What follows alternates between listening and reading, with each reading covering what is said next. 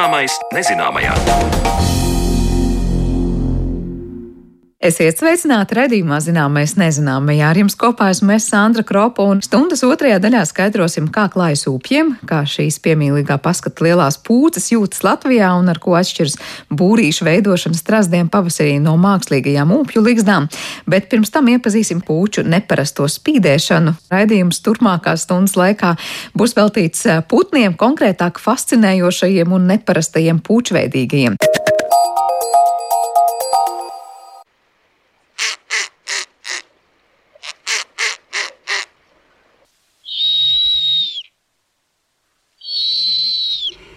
Daudzveidīgajā dzīvnieku pasaulē varam atrast vairākas sugas, kam raksturīga kāda vizuāli pievilcīga un arī noderīga īpašība - spīdēšana jeb fluorescence. Tā ir novērojama piemēram kakadu papagaļiem, pingvīniem, ežiem, žurkām un citiem dzīvniekiem. Te gan būtiski pieminēt, ka fluorescence nav tas pats, kas gaismas atstarošana. Daudzi no mums visticamāk būs saskārušies ar situāciju, kad, uzvelkot apģērbu ar atstarojošo efektu, šis apģērbs citā gaismā izskatās atšķirīgi. Fluorescences gadījumā runa ir par ķīmisko molekulu fluoroforu, kas dod iespēju dzīvniekam spīdēt, un mūsu šīs dienas stāstā īpašu uzmanību pievērsīsim konkrētam fluoroforam ar nosaukumu porfirīns. Par fluorescences tematu uz sarunu tiekos ar Rīgas Nacionālā zooloģiskā dārza zinātniskās darbības vadošo speciālistu Alessandro Di Marčio. Viņš stāsta, ka principā visiem dzīvniekiem, kuri ir brūni sarkanā krāsā, ir porfirīna krājumi, un tas sniedz iespēju spīdēt. Pēdējo divu gadu garumā Alessandro kopā ar kolēģiem no zoodārza, kā arī sadarbojoties ar Latvijas Nacionālo dabas muzeju un Latvijas Universitātes Cietvielu fizikas institūtu, veicis pētījumu par fluorescenci pūcēm, atklājot arī līdz šim nezināmus faktus. Darbs ir vainagojies ar panākumiem un pētījuma publikāciju, kas jau tuvākajās dienās nonāks starptautiskā zinātniskajā žurnālā. Par neparasto fluorescences parādību pūcēm tālāk skaidro Alessandro Di Marčio. In this case, the feather absorb the light, and the fluorophore, that are this chemical compound inside the feather, absorb this light. They are stimulated by this light, and after the phase of uh, absorption, there is the phase of emission. Šajā gadījumā putna spalvas absorbē gaismu. Attiecīgi, fluorofors, kas ir ķīmiska sastāvdaļa spalvu iekšpusē, absorbē šo gaismu, gaisma rada stimulāciju, un pēc absorpcijas nākamā fāze ir gaismas emisija. Mūsu gadījumā ir nepieciešams izmantot ultravioleto gaismu, jo tā lieliski dara porfirīnam, un tāpat arī fluorescencē radusies gaismas emisija ir tādā diapazonā, kas ir redzams mūsu acī. Tas, ko mēs atklājām, ir fakts, ka šiem dzīvniekiem piemīt fluorescence ko rada arī citi viļņu garumi, ne tikai ultravioletā gaisma. Pat redzamā gaisma tiem rada fluorescenci, bet mēs neesam spējīgi to redzēt, jo mūsu acis nav tam pielāgotas. Viss, kas attiecināms uz spēju redzēt fluorescenci, saistīts ar mūsu cilvēku acīm un mūsu gadījumā ar ultravioleto gaismu mēs fluorescenci labāk redzam ziemas laikā vai naktī, jo tad ir novērojama mazāka ietekme no citu viļņu garumiem, kā arī sniegs astaro ultravioleto gaismu. Pūču gadījumā ir daudz diskusiju par to, vai pūces spēj saskatīt ultravioleto gaismu. Tā kā fluorescence ir novērojama ne tikai ultravioletās gaismas, bet arī plašā saules gaismas spektrā, šie dzīvnieki noteikti kaut ko redz un vēl pūču acu uzbūve ir ļoti sarežģīta. Pat ja pūcēm acīs nav fotoreceptoru, kas paredzētu ultravioletās gaismas uzturēji, tās vienalga ir spējīgas kaut ko redzēt. Šī iemesla dēļ mēs apsvērām, ka fluorescencei ir bioloģiska funkcija, jo evolūcijā parasti kāds orgāns vai noteikta struktūra attīstās, ja tai ir kāda speciāla nozīme. Pūcēm aiz acīm ir milzīga asinsvadu sistēma. Kāpēc? Varbūt tam ir kāda nozīme, kas varētu būt saistīta ar to, lai pūces redzētu fluorescenci. Alessandro atminas, ka puķu izpēte sākusies brīdī, kad viņš 2019. gadā sastapies ar ārvalstu pētījumu par fluorescenci pīļknābjiem. Tas radīs interesi, tāpēc sagādāta ultravioleto staru lampa, lai novērojumus varētu veikt arī pie mums. Nākamajā gadā uzsākts darbs ar puču izpēti. Alessandro arī min, ka parasti pētījumi sākas ar literatūras izpēti, bet šajā gadījumā ceļš bijis citāds, jo puķu fluorescence atklājusies praksē, un tad sekojas darbs ar avotiem, lai uzzinātu, ko pētnieki agrāk ir vai nav atklājuši. Tādā veidā atrasti raksti no pagājušā gadsimta 30. gadiem un citi materiāli. The first data were from 1937 in mm-hmm. two species. After that, there is one research published in 2011. It's basically a methodology for the aging of the owls. Pirmie dati bija no 1937. gada par divām sugām. Pēc tam ir bijis publicēts pētījums 2011. gadā, kas pamatā ir par metodoloģiju puču novecošanās noteikšanai. Tā kā saules gaisma degradē fluorescenci, vecākās spalvas spīd mazāk nekā jaunākas.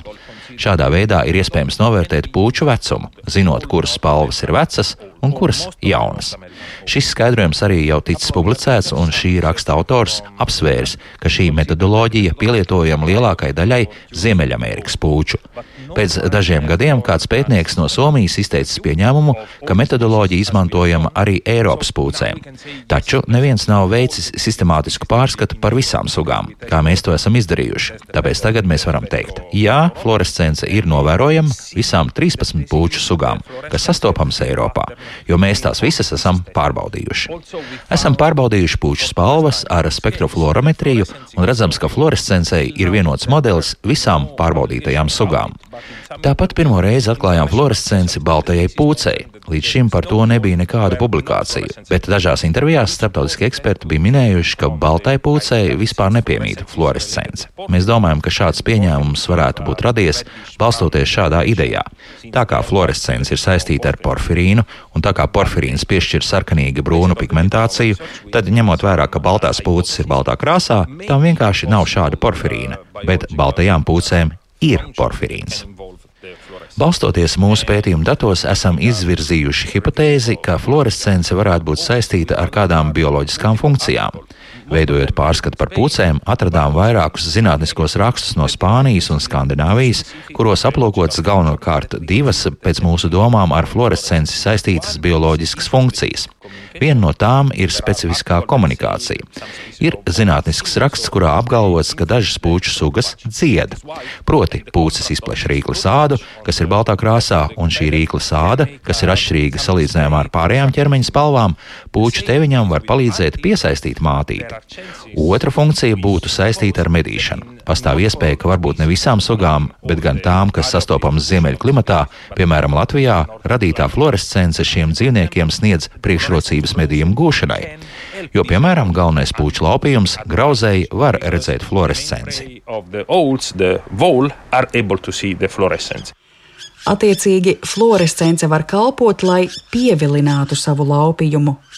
Alessandro un viņa kolēģu veiktā pētījuma viena daļa bijusi vēlme saprast, vai pūcēm patiešām piemīt fluorescence, vai tā piemīt visām sugām, vai šo īpašību piešķir porfirīns. Šo jau esam noskaidrojuši, bet pētījuma otra daļa bijusi saistīta ar dzīvnieku pētīšanu, lai noskaidrotu, pie kādām kustībām fluorescence ir redzama. Kā tas izdevies, par to sarunas turpinājumā. observing our animal, we found that in the normal perching or resting position, the fluorescence is basically invisible. Novērojot dzīvniekus, mēs atklājām, ka parastā miera pozīcijā, kad putni atrodas tupus, fluorescence tikpat kā nav redzama. Un mēs arī atklājām, ka dzīvnieka ķermeņa iekšpuse, tas ir vēdera daļa, ir ar izteiktāku fluorescenci nekā muguras daļa. Tāpat arī ķermeņa daļa, kas ir vairāk pasargāta no saules gaismas, fluorescē vairāk. Tas pats attiecināms uz spalvām. Tās spalvas daļas, kas ir pasargātas no saules gaismas, nodrošina fluorescenci. Kad mēs sākām novērot dzīvniekus, atklājām, ka brīdī, kad tie lido, kad tie plūkā vai izpleš savas spalvas, tad fluorescence ir redzama. Because... Gribēju jautāt par pētījuma praktisko pusi. Tagad mēs tiekamies dienas laikā, pūces vienkārši sēž, un mēs nevaram redzēt fluorescenci. Vai jūs veicāt savu pētījumu naktī?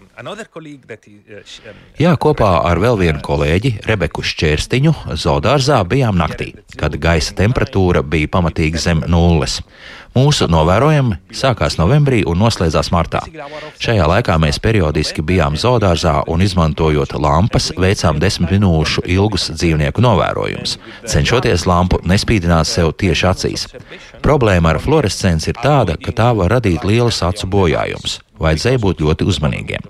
Tā kā mēs novērojām dzīvniekus, ievācām datus un vērojām dažādu dzīvnieku uzvedību.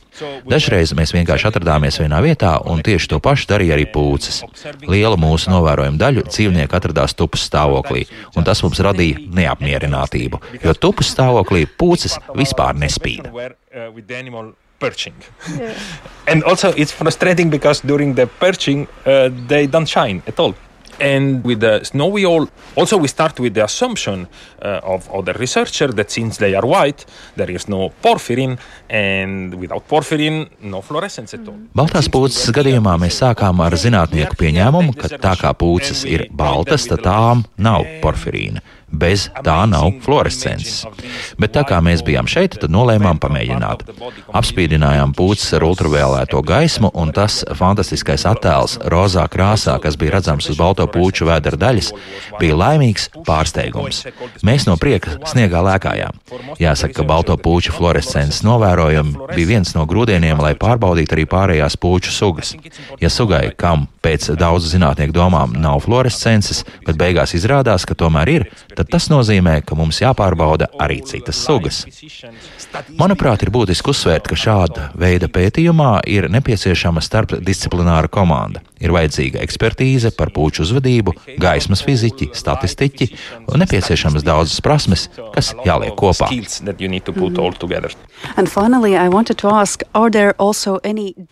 Visbeidzot, vēlējos jums jautāt, vai fluorescences īpašībai ir arī kādi trūkumi? Līdz šim mēs runājām par priekšrocībām attiecībā uz komunikāciju, partnera atrašanu un tā tālāk. Vai pūcēm pašām šī īpašība var būt bīstama, varbūt cits plēsējs var tās pamanīt, pateicoties šai īpašībai? Tas tā noteikti varētu būt, bet atkal pūces izlemj. Vai to rādīt vai ne? Jā, brīdī, kad tās medī, lido, kustas. Kad tās ir notupušās un drīzāk cenšas nodrošināt savu kamuflāžu, tās pieglauž spalvas cieši ķermenim, un šādā stāvoklī tās būs tikpat kā nemanāmas. Vienlaikus lielās pūces ir galvenie plēsēji, tā ka citiem dzīvniekiem būtu diezgan grūti uzbrukt pūcēm it's difficult that someone attacked them.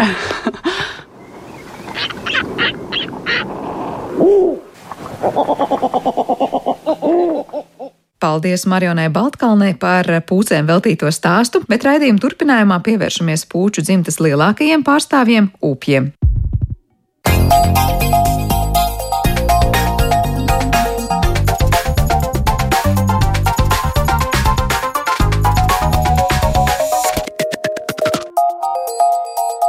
Zināmais nezināmajā. Pūkains liels ar glītiem pušķīšiem virs acīm, rāms un lēns. Tāds ir upis, Latvijas lielākais pūčveidīgais. Ko zinām par šo jutīgo un reti sastopamo putnu un kā tam klājas, par to tad šodien uz sarunu esam aicinājuši upju pētnieku un ornitologu Pēteru Dakni, kā arī upju līgstmeistaru Juri Beitiņu. Labrīt! Pēter, es zinu, ka ir sanācis laikam jau ilgstoši pētīt upjus un skatīties, kas īsti notiek ar Latvijas upjiem, bet es saprotu, ka absolūtais vairums Latvijas iedzīvotāji noteikti upjas nav nemaz redzējuši. Cik liela varbūtība mums vispār dabā ir sastapt upjas Latvijā? Nu, varbūtība ir diezgan uh, maza, lai neteiktu neiespējama.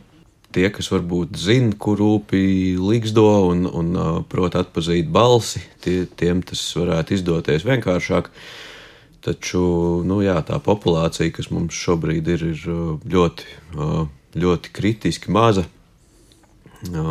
Es teiktu, maksimums 20 pāru varbūt. To ir arī grūti aprēķināt, tāpēc ka upī ir grūti konstatēt arī pētniekiem. Ar konstatēšanu ir domāts tas, kā notiek puķu uzskaits, parasti atskaņojot puķis balsi mežā. Uh, Un uh, parasti pūcis atsaucās uz šo balsi. Bet upiem savukārt ir tā, ka tas ir pilnīgi atkarīgs no garstāvokļa vai no laika apstākļiem un tā tālāk. Var atsaukties, var neatsaukties, un biežāk pat var neatsaukties. Tā kā, jā, nu tas, tas tāpēc arī ir, ir grūti pateikt, cik tieši ir šo putnu atlicis. Un, un, tādas ticamāka konstatēšanas iespēja ir uh, atrast barības atliekas, atrast līgstu. Nu, un, tāpēc viens no šiem iemesliem arī ir jā, uzstādīt mākslīgās līgstas lielā skaitā, lai potenciāli visi upī, kas mums ir, viņas atrastu. Un tā kā mēs zinām, kur mēs esam uzstādījuši mākslīgās līgstas, attiecīgi viņas katru gadu tiks apsekotas, tad, tad arī mēs varēsim vieglāk pateikt, kāds tad ir tas populācijas eh, apmērs.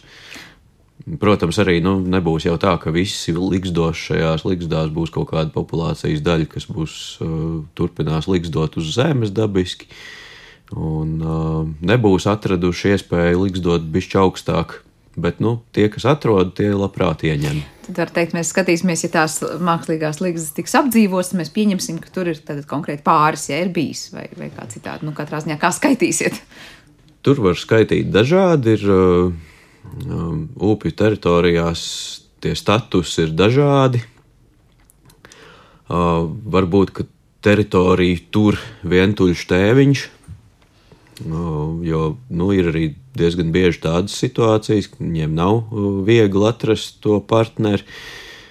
Par tām mēs zinām, jo tēviņi dzied. Uh, iespējams, par vientuļajām mātītēm mēs varbūt zinām mazāk, taču nu, tāda parastais, parastais kritērijs ir līgzdošanas sekmes, nu, līgzda ar cāļiem. Nu, tad jau viss ir kārtībā. Tad, protams, arī skaidrs, ka ir pāri. Jā, tad, protams, tā uzskaita ir precīzāk. Gribu jautāt Jurim, vai jums ir nācies nu, tiešām teikt daudz un bieži redzēt upes? Godīgi sakot, nav gadījies redzēt. Un, uh, pirms arī iesaistoties šajā projektā, man pašam bija ļoti interesanti. Un, pirmkārt, jau arī tas, ka šis putns ir ļoti liels putns jā, un plēsīgs putns. Līdz ar to, protams, arī attiecīgi veidojot šīs mm, putnu līgstas, uh, mākslīgās, jā, es sapratu, ka tas ir nopietni. Jā, un tas viss process, kā beigās izrādās, arī upes ir diezgan slings putns, kurš pats neko darīt negrib. Kā, nu, mēs tur baigi, baigi čubināmies ar viņiem un maksimāli mēģinājām izveidot līgstas, kas varētu būt viens modelis, bet mēs domājam tālāk, kā šie putni pēc iespējas nu, varētu vairāk līgsdot šajās mākslīgajās līgstās jā, tās ļoti noslēpumains putns, kuru grūti ieraudzīt, grūti saprast, kur tad cik daudz un kā, kā dzīvo, bet tomēr kā saprast, kādas tās līgstas būvēt, lai tam putnam tur patikt, jo varbūt vienkārši būs uzbūvēta līgsta un putnam kaut kas nepatiks. Un jūs teiksiet, mums upju nav. bet varbūt upes būtu bijis, bet vienkārši nedzīvoja konkrētajā mākslīgajā ligzdā. Sāksim ar to, kādām ir jābūt šīm ligzdām, lai upes tur vispār varētu nu, cerēt, uzturēties. Kādreiz mūsu slavenais uh, upju pētnieks Juris Lipsbergs uh, bija atstrādājis tādu platformas metodi, ko mēs saucam par klasisko platformu. Uh, tā ir uh, nu, citreiz pat divreiz divi metri tāda koka grīda, nu, uzbūvēta nu, vismaz kā minimums 5 metru augstumā, bet parasti tie ir kaut kādi 10 metri. Uh, Tad jāatrod piemērots koks, kam ir kāda varbūt atbalsta zari, un tad tādu jāuzbūvē. Nu, šādu likstu uzbūvēt, tas divatā prasa apmēram visu dienu. Un, tad, kad es iesaistījos upju pētniecībā, tad pa, painteresējos arī, ko dara citās valstīs, un Nīderlandieši bija pielietojuši tādu plastmasas vannīšu metodi. Viņ, viņiem tādas pieejamas, ko viņi var iegādāties veikalā, kā paredzēts kā suņi guļvietas. Un tad jā, viņi šādas vannītes uzstādīja kokos, bet Nu, es mūsu veikalos neko tādu tajā laikā neatradu. Tagad jau ir parādījušās, bet nu, mēs domājām, ko tad, ko tad uh, varētu līdzīgi apmēram tādā izmērā, kas ir 50 cm reizes metrs aptuveni. Uh, kas tad tas varētu būt? Un tad uh, atradām, ka tā ir 200 litrīgā metāla muca, ko jāpārzāģē uz pusēm garaniski, un tad iznāk divas tādas silas. Un uh, 2017. gadā uzlikām vienā zināmā upju teritorijā tādu līgstu. Uh, nākamajā sezonā nekas tur vēl nenotika, bet jau aiznākamajā bija ieņēmuši, atzinuši par labu, un tad pēc tam četras sezonas no vietas līgzdoja. Un tad nu, mēs nolēmām, ka šis ir Pietiek, dizains, kas der, jā. dizains, kas der, ko var uzstādīt arī tā masveidā. Jā. Bet, Juri, kādas ir tās līgstas, ko jūs būvējat? Vai te arī jūs teiksiet, nu, pār, paņēma mūcu, pārgriezas pusē, es nezinu, var kaut ko izklājot tālāk, kā tas notiek, vai, vai trūpes pats tālāk iekārtos? Jā, nu, mēģināsim klausītājiem apmēram pastāstīt, kāds reāli notiek uh, dzīvē, tādā darbnīciņā. Uh, tos, ko Pēters teica, jā, tātad šīs vannīcas, tas bija viens no veidiem, ko mēs taisījām. Uh, respektīvi, kā tas viss izskatās. Tā nav tikai pārzāģēšana uz pusēm, tā tad upim mums ir jānodrošina arī lai viņam būtu droši, lai nebūtu asas malas, jā, tā tad, lai tiktu novadīts ūdens, jā, tā tad tiek izurti caurumi attiecīgi, jā, un uh, darām visu iespējamo, lai viņš nesavainotos. Jā, jo tomēr arī mm, šīs koka apmalītes, šis rāmīts, ko mēs taisām, tas arī ir uh, velkot šo mucu augšā, ko dara profesionāls aerborists. Jā, tas ir nopietns tāds process, līdz ar ko, lai viņa arī ir stabilāka, jo viņa tiek piestiprināta pie attiecīga koka, pie kāda žubura, kārtīgi pie zariem, jā, lai viņa būtu stabila un uh, lai viņa tur nostāvētu ilgu, ilgu laiku. Tas ir viens no variantiem. Uh, mēs domājam, kā jau es sākumā arī teicu, tad um, meklējām, lai tiem upiem iepatiktos, un tad izdomājām vēl vienu dizainu, uh, šo pašu 200 litrīgo mucu. Um, zāģējām uz pusēm. Jā, tā tad uh, zāģējām uz pusēm nevis tā mm, vertikāli no augšas uz leju, bet jau horizontāli. Un locījām arī maliņas, dubultas malas, jā, tā lai viņam tā maliņa nebūtu asa. Uh, Ja, tādā veidā mums šobrīd uh, ir izvietotas divu veidu līgstas, ja, mākslīgās. Viena ir, ko Pēters minēja, tātad šī vanīša tipa, un otra ir muca, muca vienkārši pārgriezt uz pusēm. Viņa tā, tāda, nu, tāda, tā augstāts, apmēram, nu, arī tie 50 centimetri. Ja. Nu, lūk, un, uh, Tādā veidā arī tiek izurbt arī šie caurumi, ūdens novadīšanai, ja, un attiecīgi arī caurumi, lai piestiprinātu pie koka. Ja mēs teiksim, runājot par to procesu tālāk, tad šī mūce tiek nogādāta mežā. Viņa tiek aerborists, viņam man palīdzība tiek uzcelt uz pleciem, ja, un viņš tā tad, tādā veidā viņu nes iekšā mežā, izvēlamies vajadzīgo koku. Par to noteikti Pēters pastāstīs vairāk, kādus kokus izvēlamies. Bet, nu, vārdu sakot, tas process ir, nu, teiksim tā, viņas arī tiek krāsotas. Kāpēc? Ar, ar ko un kā? Krāsojam tieši, teiksim, izvēlamies tos toņus, lai būtu atbilstošākai tai vidē, kur tā tad viņi tiks uzstādīti. Proti, nu, lai nebūtu pārāk uzkrītoši. Tieši tā, noteikti, ja mums mucas bieži vien pārsvarā bija oranžā krāsā spilgti, jā, vai, vai zilas, nu tad, protams, ka šeit arī, lai, lai cilvēku acīm būtu prom, protams, arī, un arī, nu, es domāju, ar izvēriem. Bet man te vairāk papildu jautājumu radās pirmkārt par to metāla mucu, vai nav tā, ka tās mucas kaut kad uzkarsīs, vai kāpēc tieši tas metāla materiāls tas netraucē, vai tas tiek kaut kā pēc tam ar kaut ko maskēts, izklāts tā, lai, nu, tam putnam tas nebūtu kā tāda kārtīga panna, uz kuras viņš atrodas.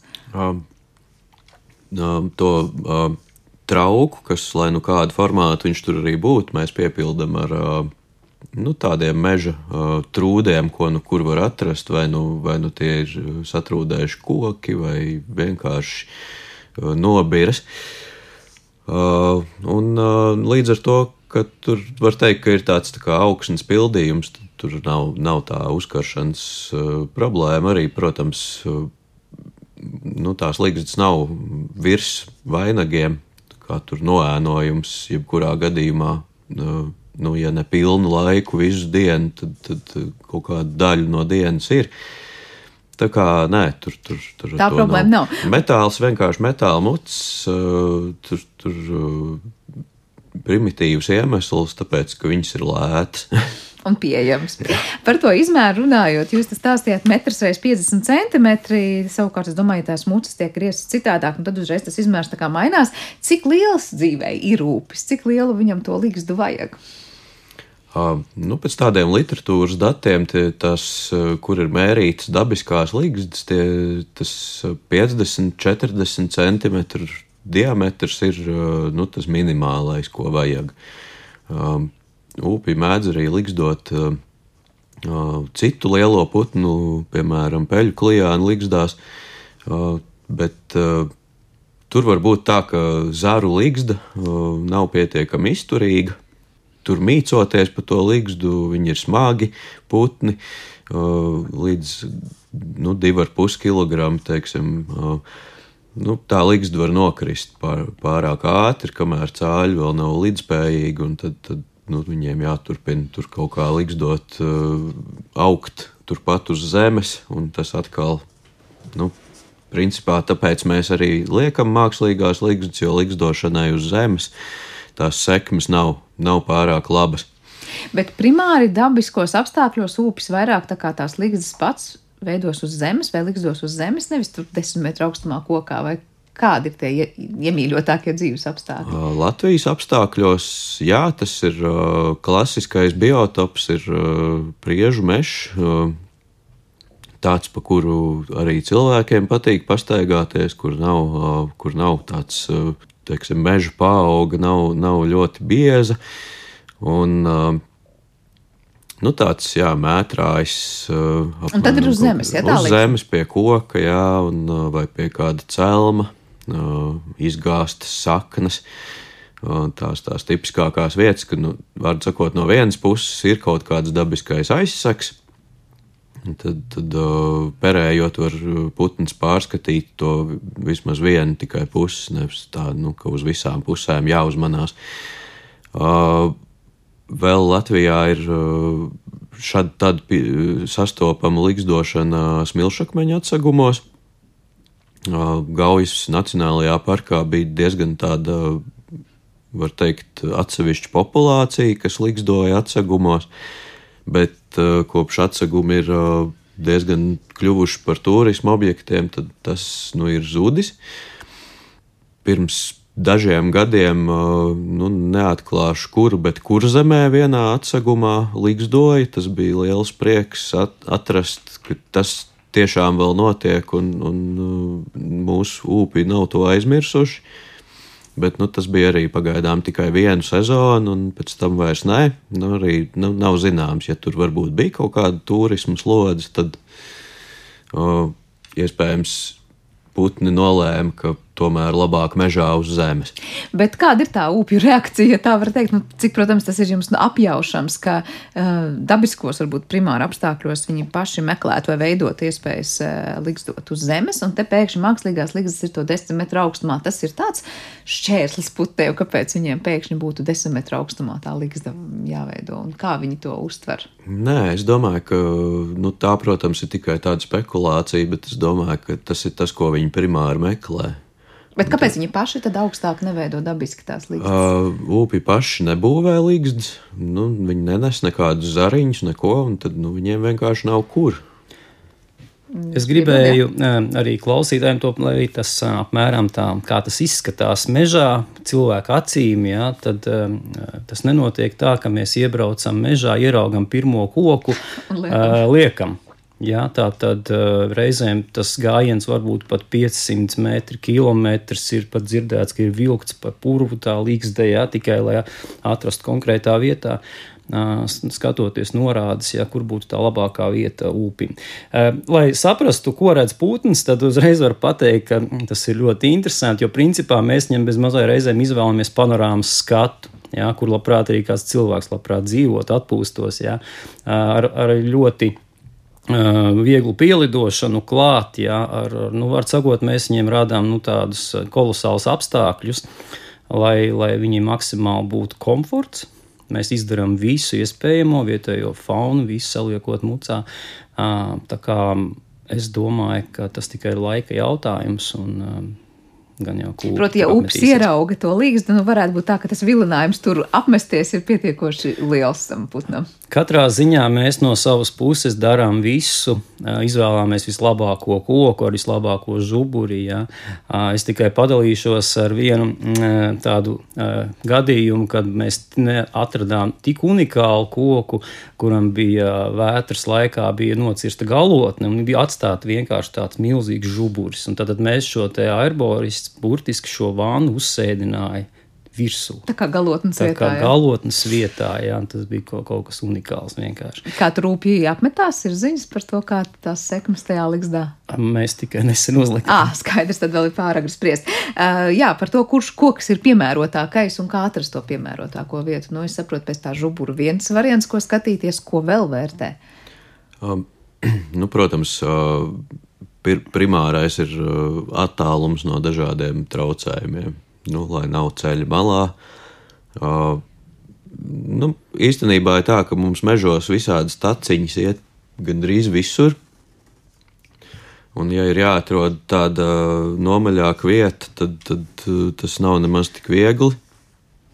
Bet, uh, nu, protams, ka tāda taciņa, kur varbūt aiziet reizi mēnesī, kāds nav, nav būtiska. Nu, galvenais nenolikt ceļa malā, kur varbūt brauc mašīnas vai notiek nezinu, sacensības vai, vai kaut kas tāds. Jā, nu tad ir novietojums tā, lai nu, samērā milzīgais putns varētu pielidot, lai nav zāri priekšā. Citreiz kaut kas jānozāģē, lai tā pielidošana būtu vieglāka. Nu, un, ja ir iespējams, izmantojam arī reljefu, jo arī upji paši dabiski liksdojot, parasti to dara uh, reljefu virsotnēs, uh, lokālās. Uh, nu, tad arī izvēlamies kokus, kas ir virsotnēs, un tad dabiski tur sanāk, ka nu, tur ir iespējams to likstu novietot tā, ka var pārskatīt apkārtējo koku vainagus vir, virs tiem. Un tas arī palielina iespēju, ka putns to likstu kādreiz pamanīs. Bet tas ir vienmēr mēs runājam par priežu audzēm, par priežu mežiem, vai kuras ir tās Nē. dzīvotnes, kurās būs labāk pie. Mēs uh, izvietojam līgstas uh, saskaņā ar, ar uh, puču aizsardzības plānā dotajiem uh, piemērotajiem uh, kvadrātiem. Tur ir, uh, tas ir aprēķināts, un tie biotopi tur var būt diezgan dažādi, jo tur uh, piemērotības aprēķinā ņem vērā ļoti daudz dažādus faktorus, un tā, tas, tas audzes sastāvs ir tikai viens no tiem. Kā Gaujas Nacionālajā parkā tur uh, tieši gar upi, tur vairāk ir tādi saucamie aluviālie meži. Uh, tur priežu nav vispār gandrīz. Tur citreiz ir prieks atrast kādu ozolu, kur nu, skaidrs, ka tas nu, nenolūzīs. jo nu, Jā, mums ir uh, 21. gadā uzstādītām likstām jau ir vismaz viens gadījums, kur koks ir izgāzies, un tam mums nācās atjaunot. Jo nu, tas viss notiek projekta ietvaros, ko finansē Latvijas vidas aizsardzības fonds, un tur ir arī pēcuzraudzība, un tāpēc mums arī būs uh, strikti jāapsako visas līgstas uh, turpmākos gadus. Cik bieži tas notiek? Kāda ir tas plāns? Ir uzstādīta līgsta, pēc tam cik regulāri jūs tur ierodaties? Reiz gadā. Par to, kādas ir tās piemērotākās vietas, kur rūpes Latvijas dabā dzīvo, tad es saprotu, viņš var būt visur, viņš var būt pie jūrā, viņš var būt gājis Nacionālā parkā un, uh, nezinu, visu kaut kur Latgalē, kur zemē. Uh, viens no galvenajiem uh, faktoriem šai piemērotībai ir uh, pieeja, barības pieejamība. Tajos, tajos laikos, kad mums katrā, katrā nelielā pilsētiņā bija uh, sava izgāstuve, tad uh, nu, bieži vien pie, pie tām izgāstuvēm arī bija upes sastopams. Jo viņš barojās ar uh, grauzējiem un uh, iespējams kājām, kas uh, kas apmeklē izgāstuvi, lai barotos ar tur atrodamajiem produktiem. Tāpat pie zvēra audzētavām, dažādām tādām, tādām vietām, kur ir, kur ir pieejams daudz, daudz medījumu. Taču tagad, kad nu, gan izgāstuves ir gājušas mazumā, gan zvēra audzētavas, tad nu, mēs redzam, ka upji apmetās vairāk pie dabiski, dabisku medījumu koncentrāciju vietām, nu, kas, piemēram, ir lagūna veida ezeri, kā piemēram Angūras ezers, tur ir ļoti daudz ūdens putnu, bet, nu, protams, ne, nav nepieciešams arī tik daudz. Ligzdo tāpat tās mazāku upju krastos, bet nu, parasti ir saistība ar ūdenskrātuvēm. Jā. Kāda kopumā varētu teikt, ir tā upju nezinu, dzīves cikls, ritms un sociālā dzīve. Proti, pirmkārt, nu, ko dažādos uh, gada laikos, dažādos diennakts laikos dara upes un kā tad īsti upes dzīvo. Cik ļoti sociāli viņi ir savstarpēji. Teritoriāli dzīvnieki, uh, notiek iekšsugas konflikti. Pāris ir uh, tā sabiedrība, kur viņi socializējās. Nu, protams, uh, tā dziedāšana ir socializēšanās savā ziņā, sazināšanās ar, ar citiem. Nu, ir mums vēl man zināma viena vieta Latvijā, kur no viena punkta var dzirdēt divus uh, dziedošus upju tēviņus.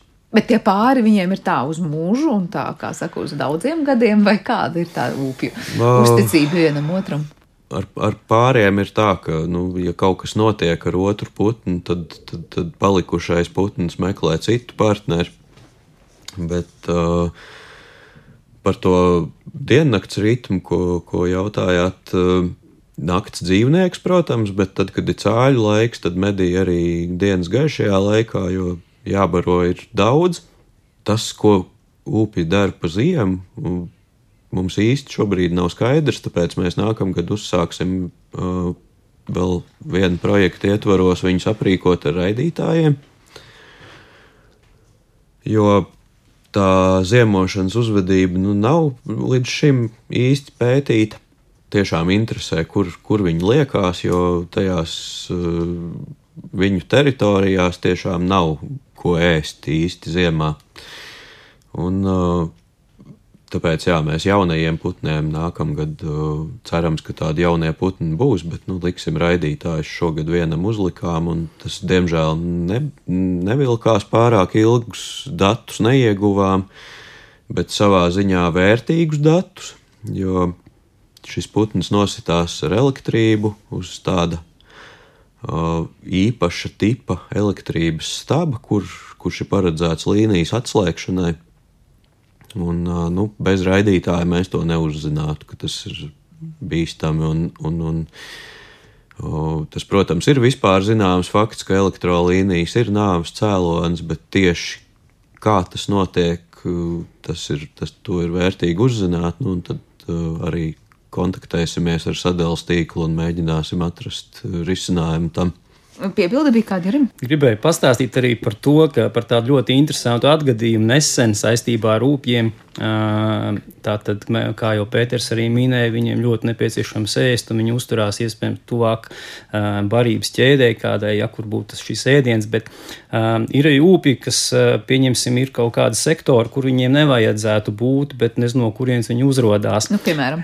Nu, bija nesen tāds gadījums, bija Bauskas novadā, Kādā atsūtīja mums arī video, kad lūk, kādā lauku sētā vienkārši nakts laikā atskanējis milzīgs troksnis vistu tajā novietnē. Un, un saimnieks atnākot ar sieviņu konstatējuši, ka starp vistām sēž ūpis. Es ne, laikam ar visu vistu jau uh, knābī un uh, un vienīgais, kas tajā video bija pateikts, bija teikts, bija tā, ārprāts, cik milzīgs putns. Un tas vīrs laikam bija tādā panikā. Viņš saka, ko man tagad darīt ar to putnu, nošaut vai kā.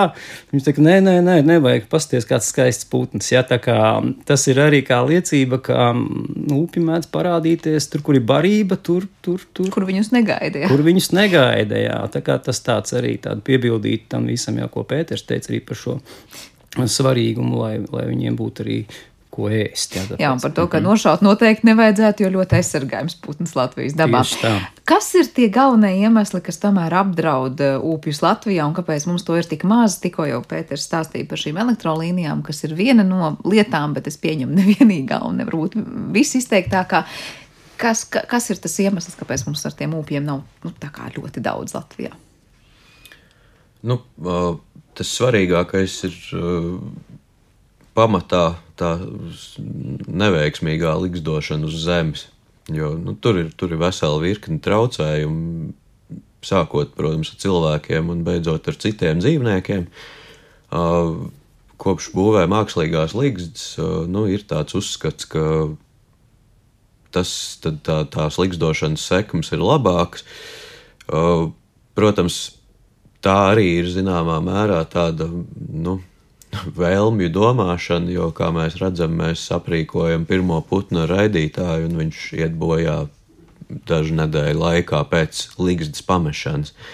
Jo tā, tā, tā, tā līgstas vietas pamešana viņiem notiek diezgan lēni. Viņi turpat ap to teritoriju vēl līdz pat uh, rudens sākumam blandās. Bet uh, kas notiek pēc tam, nu, to, to mēs īsti nekad nezinām. Nu, visi zināmie upju cāļi tiek gradzenot un uh, ir ik pa laikam tiek atrasti miruši. Uh, viens tāds gadījums bija uh, kurzemē atrasts uh, dīķī noslīcis upis, uh, un tad, tad izvelkot viņu ārā, arī varēja saprast, kas tad nu, viņš bija satinies elektriskā gana stieplē. Uh, Un, acīm redzot, tādā stāvoklī mēģinājis dīķī noķert kādu ūdensputnu un, un, nav varējis tikt ārā no ūdens. Nu, tādi, tādi gadījumi ik pa laikam ir, ka atrod upjus beigts un bieži vien viņi ir gradzenot, un tas, diemžēl, liecina par to, ka mēs laikam zinām diezgan daudz no esošajām līgzdošanas vietām, nu, kas pagājušajā gadā bija tikai četras. Um, un, un, un, nu, vēl, vēl tāda nāves iemesla, jā, ir sadursmes ar automašīnām. Pārsvarā tas, tas ir tomēr jā, cilvēku radīts kaut kas, kaut, kaut kāda veida cilvēka darbības rezultātā. Jā. Eh, vai ir kaut kas, ko sabiedrība var darīt, kā cilvēki iesaistīties, es nezinu, vai likstu būvēšanā, vai atsaukties un, es nezinu, piedāvāt kādas savas teritorijas, lai to darītu, eh, lai to upju mums būtu vairāk Latvijā? Uh, jā, likstu būvēšanā mums uh, it kā palīdzību pagaidām nevajag, bet ar teritorijām gan. Uh, jo mums ir protams, jāsaskaņo ar meža īpašniekiem, ka mēs to darīsim, un pagaidām mēs esam saskaņojuši pārsvarā ar dabas aizsardzības pārvaldi. Līdz ar to mums ir labi aprīkoti nacionālie parki. Bet nu, skaidrs, ka, lai populācija varētu dzīvot, tai izklēdē būtu jābūt lielākai. Nu, tad mēs esam vienojušies arī gan ar Rīgas mežiem, gan ar Latvijas valsts mežiem. Latvijas valsts mežos sāksim nākamgad uzstādīt Rīgas mežos tagad uh, šī gada projektā uzstādījām. Bet mums ļoti interesēta jā, teritorijas kurzemēs, kur varbūt ir privāts mežs. Uh, ja, ja cilvēks, īpašnieks ir uh, ieinteresēts dabas aizsardzībā, tad noteikti var rakstīt uz Latvijas ornitholoģijas biedrību un informēt, ka atļauj mums uzstādīt upju līgstu, jo ar kurzemi uh, ir tā, ka dabas aizsardzības pārvaldē tur gandrīz nav uh, teritorija, izņemot Slīters Nacionālo parku. Un, uh, tā tad tā vidus uh, un dienvidu kurzeme mums ir pilnīgi plika. Kā tur ir vēl daudz, kur izvērsties. Jā. Tur ir kādas vēl īpašās teritorijas, nenosauktās, kur noteikti aicinātu cilvēkus būt atsaucīgiem un kur noteikti gribētos kādu likstu uzlikt. Es par atsaucību vairāk domāju tieši mucu kontekstā. Gribēju pastāstīt par to, kādas veida mucas, tātad 200 litrīgās mucas mēs izmantojam. Vēlams mucas, kurās nav um, glabāta eļļa, nu, eļļas produkti, ja, tāda veida. Tad, ja cilvēkiem ir iekrājušās daudz tādas mucas, un viņi nezina, kur viņas likt vai gribētu kā noziedot, tad mēs būtu ļoti priecīgi. Mēs noteikti pat atbrauktu viņām pakaļ. Ja, un tādā veidā Viņus vienkārši nenodot kaut kur, nezinu, metālu uzņos, bet mēs viņus izmantotu un viņas būtu Upji noteikti priecātos, un tā, respektīvi mums būtu iespēja arī maksimāli daudz līdzekļu uzstādīt. Jā, tā kā tiem, kuriem ir privātais mežs, var at, atvēlēt savu teritoriju, kādu koku, savukārt, kuriem nav meža, var mēģināt sameklēt kādu mūcu, kas jums noderēs. Nu, ko darāmā? Visiem ir daudz gan līgstu būvētājiem, gan cilvēkiem, kas pēta upjus un zina tās labākās vietas, kur un kā šīs līgstas uzstādīt. Es ļoti ceru, ka tas dos savu labumu, un es domāju, ja pēc kāda gada, diviem pieciem mēs šeit atkal atkal sēdētu un runātu, ka jums būtu tādi dati iepriecinoši, kas teikt, upji mums Latvijā ir kļuvis vairāk. Cerēsim arī uz raidītājiem, ka mēs iegūsim vairāk datu un varbūt ne tik skumjus secinājumus par to, kas notiek un kā šie putni iet bojā, bet arī izdarot secinājumus par to, ko jau zinām. Cerams, ka tos šķēršļus izdotos novērst. Paldies jums abiem par šo sarunu. Es atgādināšu, ka ornitologs Pēters Daknis, kā arī upju līgstu meistars Juris e, Beitiņš bija šodien ar mums kopā raidījumā Zināmais nezināmajā. Ar to raidījums ir izskanējis un to producēja Paula Gulbinska. Eh, par mūziku gādāja Girts Bišs, skaņu režijā bija Norma Itspapa un ar jums studijā es Sandra Kropa. Visu labu!